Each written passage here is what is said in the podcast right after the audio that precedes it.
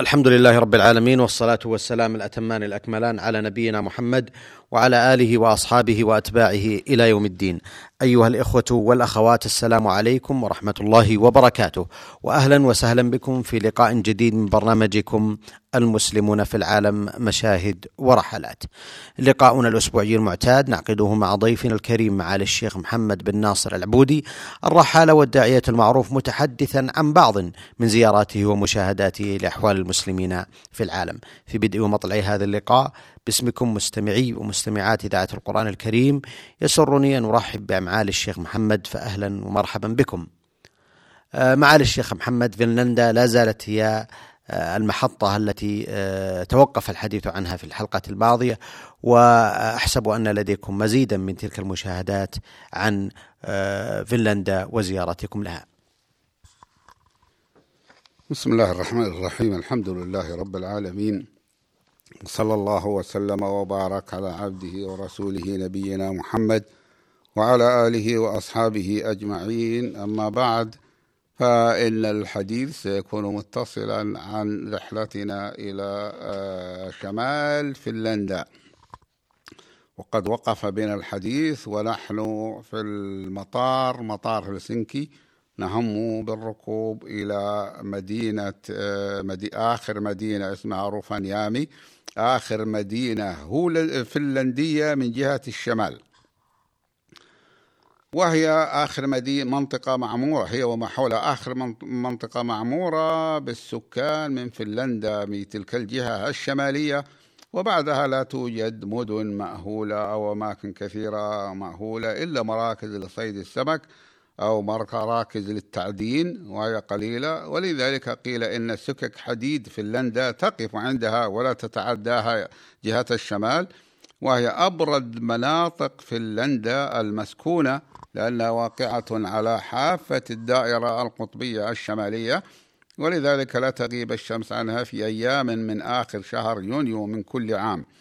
كما أن الشمس لا تطلع لا تطلع عليهم في أيام قليلة في الشتاء. وإنما في الصيف تغرب الشمس عندهم هذا في آخر شهر يونيو. لا تغرب الشمس عندهم وإنما تدور في الأفق ولا ترتفع في كبد السماء.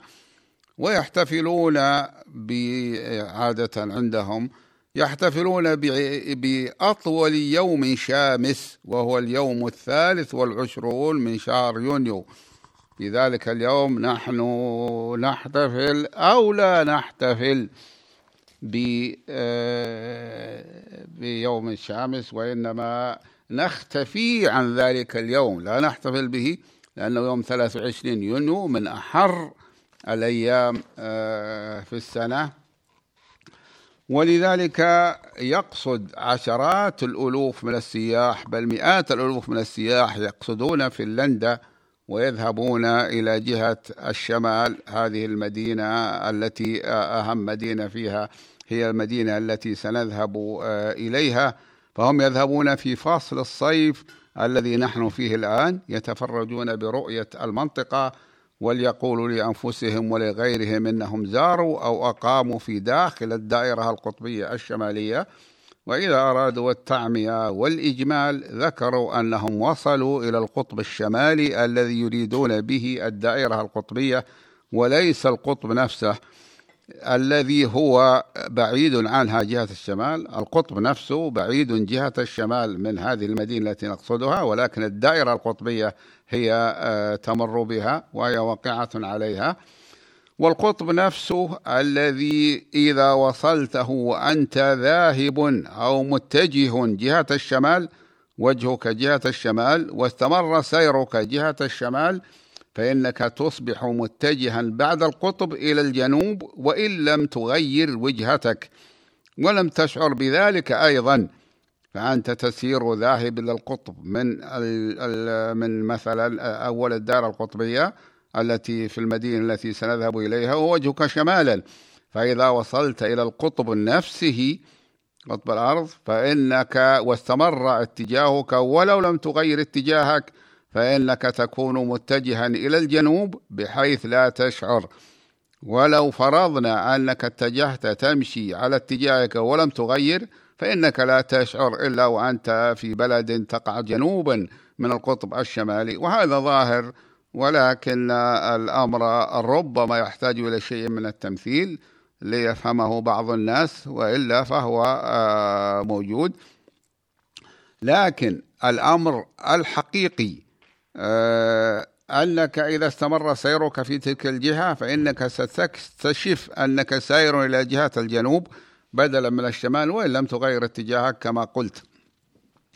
وسوف نذهب إلى مدينة روفانيامي. هذه ليس من أجل كونها في الدائرة القطبية فقد كنا قبل أيام في بلدة قطبية أخرى في شمال سيبيريا من روسيا وهي مدينة نوفينغوري حيث يوجد مسجد هناك. هو آخر مسجد في شمال الأرض من تلك الجهة وهو أقرب مسجد إلى القطب الشمالي من المنطقة الشمالية.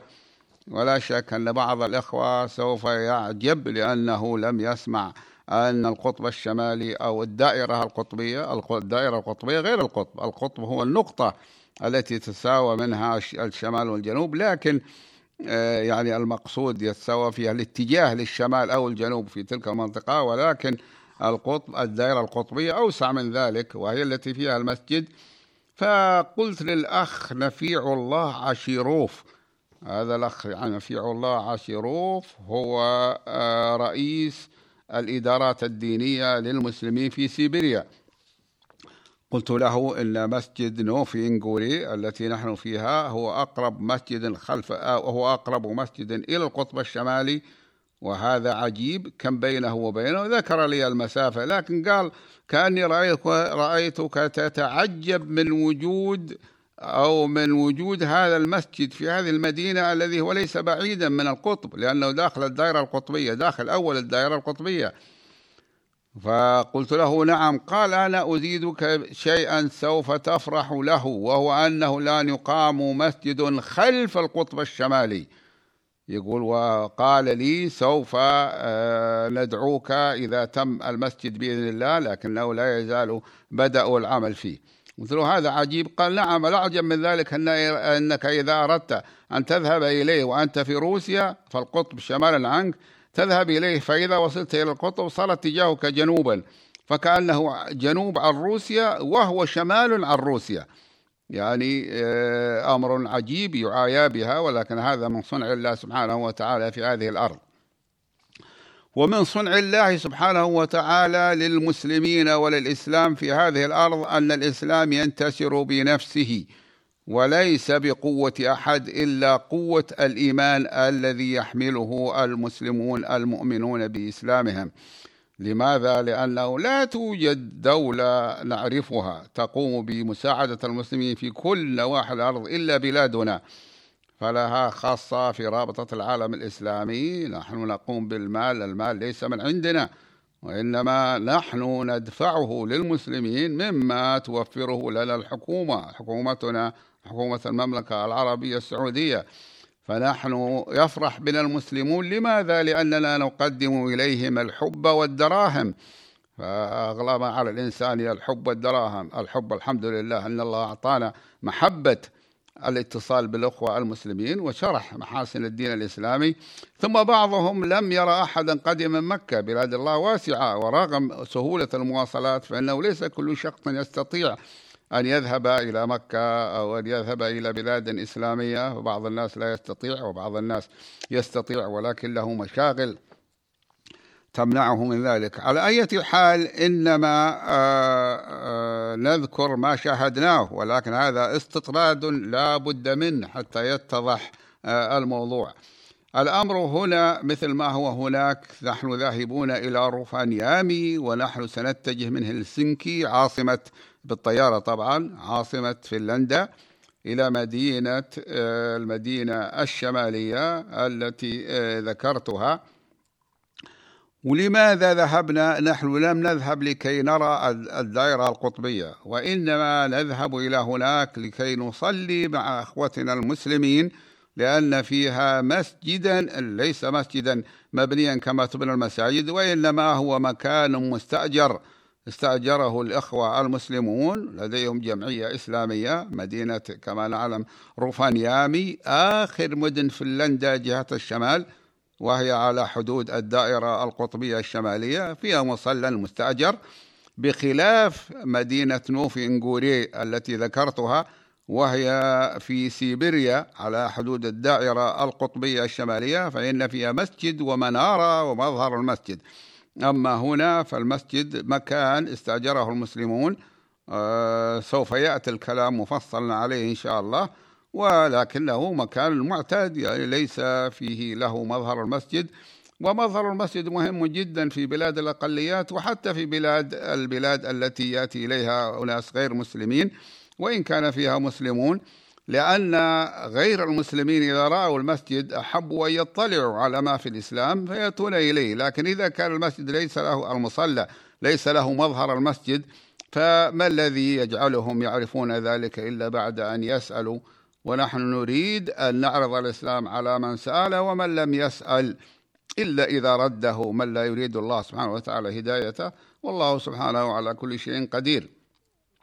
فنحن سنذهب إلى مدينة روفانيامي آخر مدن فنلندا جهة الشمال. نريد أن نرى المصلى ونجتمع بأهله من المسلمين ونشجعهم على التمسك بإسلامهم. ونحاول مساعدتهم على مشروع لبناء مسجد هناك إذا كانت لديهم الرغبة والقدرة على ذلك. لأن بعض الأخوة المسلمين ليست لديهم حتى القدرة على إدارة المسجد يعني على آه، استمرار صيانته وإدارته وربما أنه آه، أنهم لا يجتهدون في ذلك. هذا ليس مع الإسلام. هم المسلمين يجتهدون في الأصل لكن ربما كان بعض البلاد ليست لديهم القدرة على إدارة المسجد وما يتبعه للمسجد للصلاة ولكن مع الصلاة لازم أن يكون هناك ذكر.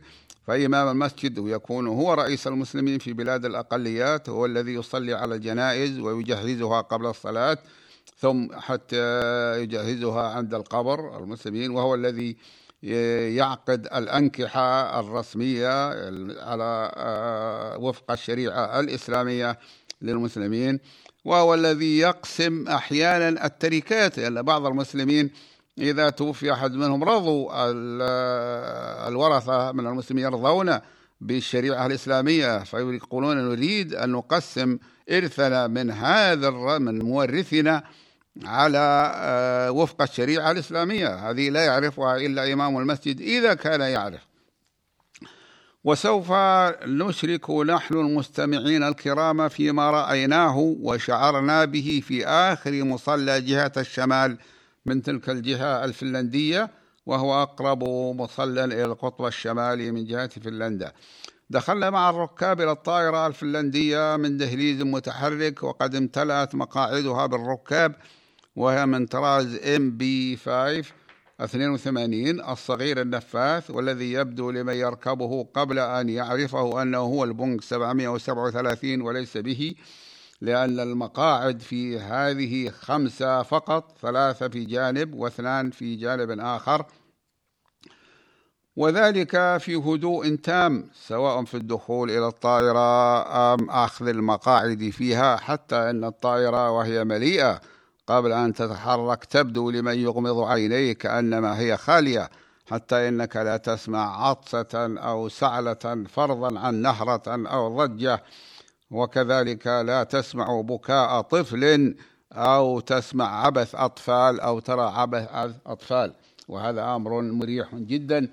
ولو رجعنا إلى آه، قواعد الدين الإسلامي الحنيف لوجدناه يحث على مثل ذلك عدم إلحاق الأذى لأن ما يريد أن يقرأ فإنه يقرأ وهو مرتاح وما يريد أن يكتب مثلي أنا فإنه يكتب وهو مرتاح ولا شيء يزعجه. ومن أرى لم يريد هذا ولا ذاك وإنما يريد أن ينام أو نقول إنه يريد أن ينعس فإنه يستطيع أن يستمتع بتعسيلة من النوم ولو قصيرة. على أي حال نحن نذكر هنا ما شاهدناه.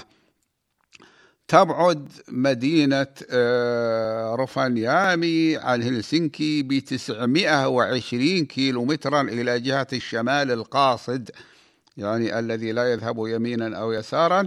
وهذه مسافة طويلة قرب يعني نحو ألف كيلومتر شمالا من هلسنكي العاصمة. وهي الطائرة كلها درجة سياحية فليست فيها درجة أولى ولا درجة لرجال الأعمال أرى في الركاب الذين امتلأت بهم الطائرة أي راكب أسمر فضلا عن الأسود بل كلهم من أهل فنلندا البيض من والسياح أيضا من الأوروبيين البيض أيضا. وهذه الطائرة تابعة للشركة الوطنية الفنلندية للطيران ويسمونها Finnair. لماذا Finnair؟ لأن فنلندا معناها بلاد الفن. فالفن هو اسم الدولة. وفنلندا أي أساسها فنلاند يعني أرض فنلندا. ولذلك يحذفون land إذا فيسمون آه، خطوطهم Finnair. إير طبعا هواء أو جو أي الفنلندية الجوية. هذه الشركة ركبتها قديما وبالتحديد في عام 1390 الموافق عام 1970 أي منذ 30 سنة. ركبتها من باريس إلى أمستردام ويومها لم تكن لم نكن نعرفها ولا نعرف الشركات العالمية الأخرى الكبيرة لا نعرفها وإنما نعرف الشركات العالمية الأخرى الكبيرة مثل Air France والهولندية KLM والإسكندنافية SAS.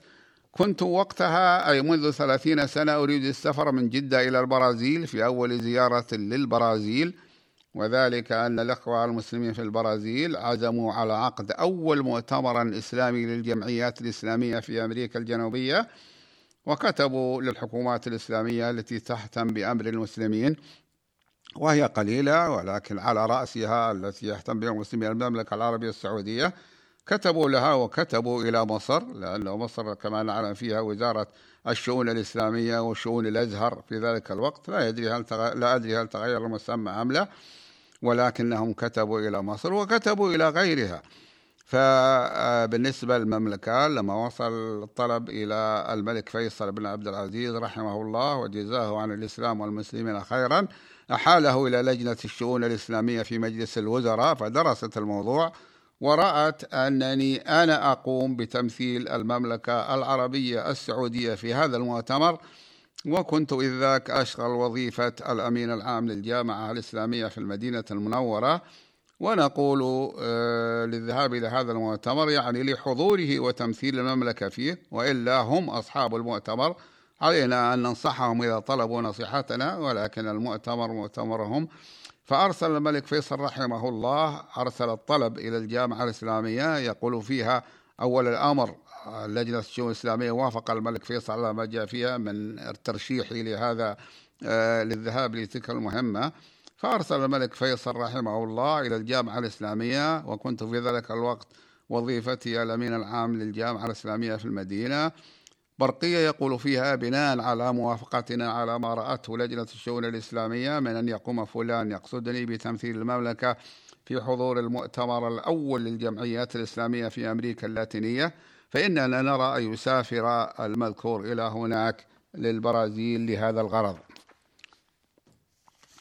فيقول آه، للجامعة الإسلامية والذي رئيس الإداريين هو أنا في ذلك حسب نظام الجامعة الأمين العام هو رئيس الموظفين الإداريين وليس فوقه إلا وظيفة الأمين الع... آه، وظيفة نائب الرئيس يشغلها الشيخ عبد العزيز بن باز رحمه الله.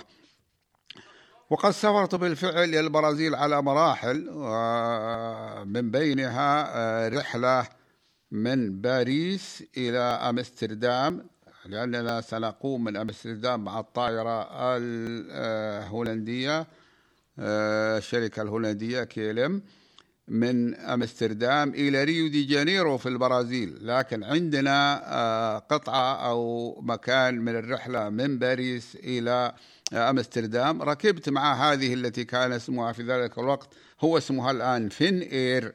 يعني الخطوط الجوية أو الجوية الفنلندية. كانت المسافة قريبة ما بين باريس وبين أمستردام وهو معروف ومع ذلك جاءت مضيفة الدرجة الأولى بهدايا للركاب.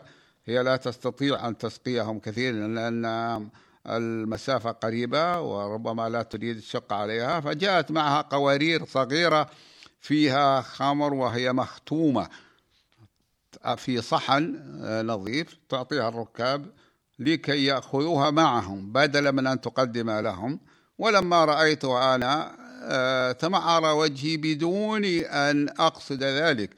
المطلوب أن الإنسان يتمعر وجهه إذا رأى هذا المنكر ولكن ليس الموضوع موضوع هذا. إذا أردنا أن يؤثر كلامنا فيهم فليس بهذه الطريقة لكن هذا الذي حصل. وقلت لها أنني لا أريدها ولم تكن تلك المضيفة تعرف أنني مسلم وربما لا تعرف أن الإسلام يحرم الخمر على المسلم وإنما ظنت أنني رددت هديتها بدافع عدم الذوق. فاحمر وجهها الذي كان أحمر من قبل فصار في لون قطعة الدم وإن شئت قلت إنه في لون المرجان.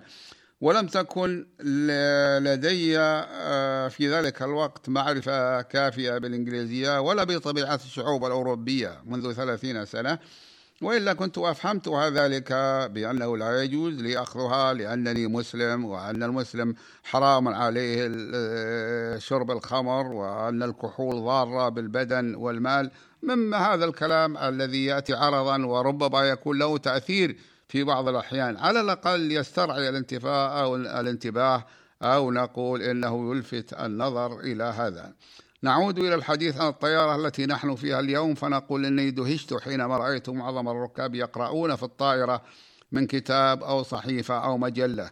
والذي لم يكن يحمل الذي لم يكن يحمل شيئا من ذلك أعطته المضيفات جرائد أو مجلات. وكنت كما قدمت حديث عهد بالسفر بالطائرات داخل روسيا في جولة فيها حيث القراءة في الطائرة عند الروس قليلة أو معدومة حسب ما رأيناه في ذلك الوقت. الآن تغيرت الحال بالنسبة إلى روسيا تغيرت إلى الأحسن بعد أن تخلصوا من الشيوعية منذ سنوات. وجيوب الطائرة في هذه جيوب المقاعد في هذه الطائرة فيها مجلتان بخلاف الطائرات الروسية الذي التي لا يكون في جيوب المقاعد شيء. إحداهما إحدى المجلتين بلغتهم والثانية باللغة الإنجليزية عنوانها الأجنحة الزرق وينجز بلو وفيها بطاقة خاصة عن الشركة بمثابة التعريف والورقة السميكة المعتادة التي تتضمن التصرفات في حالة الطوارئ وأعجبت بتنجيد الطائرة وقد أعلنوا مكبر الصوت بلغتهم التي تبدو وهي الفنلندية التي تبدو في أذن السامع أمثالنا ليست جميلة مع أنها آه، تخرج من فم مضيفة جميلة ثم عقبتها إعلان بالإنجليزية وقالوا فيه أن الطيران إلى رفع النيامي سيستغرق ساعة من الطيران المباشر. فلغتهم لا تبدو جميلة جمال الفرنسية ولا فخمة جليلة كالعربية ولا قوية ضخمة المخارج كالألمانية.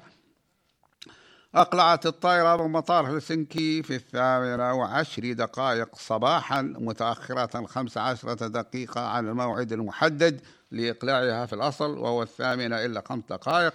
وحالما نهضت من المطار اتضحت أكثر طبيعة الأرض الفنلندية التي هي غابات كثيفة في كل مكان اتجه إليه نظرك أو وصل إليه نظرك من الطائرة إلا ما قطع من تلك الغابات ليكون ذلك إما للانتفاع بأخشابها أو من أجل إقامة آه، أو إقامة أبنية في مكانها.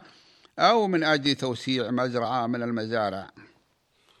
أحسنتم معالي الشيخ محمد في ختام هذا اللقاء. أتوجه بالشكر الجزيل بعد شكر الله سبحانه وتعالى إلى ضيفنا الكريم الذي كنتم تستمعون إليه وهو معالي الشيخ محمد بن ناصر العبودي الرحالة والداعية المعروف والذي تحدث عن إحدى زيارته لأوضاع المسلمين في العالم والتي كانت عن فنلندا. نلقاكم أيها الإخوة والأخوات على خير في مثل هذا اليوم. من الأسبوع القادم وهذه تحية من محدثكم محمد بن عبد الله مشوح. السلام عليكم ورحمة الله.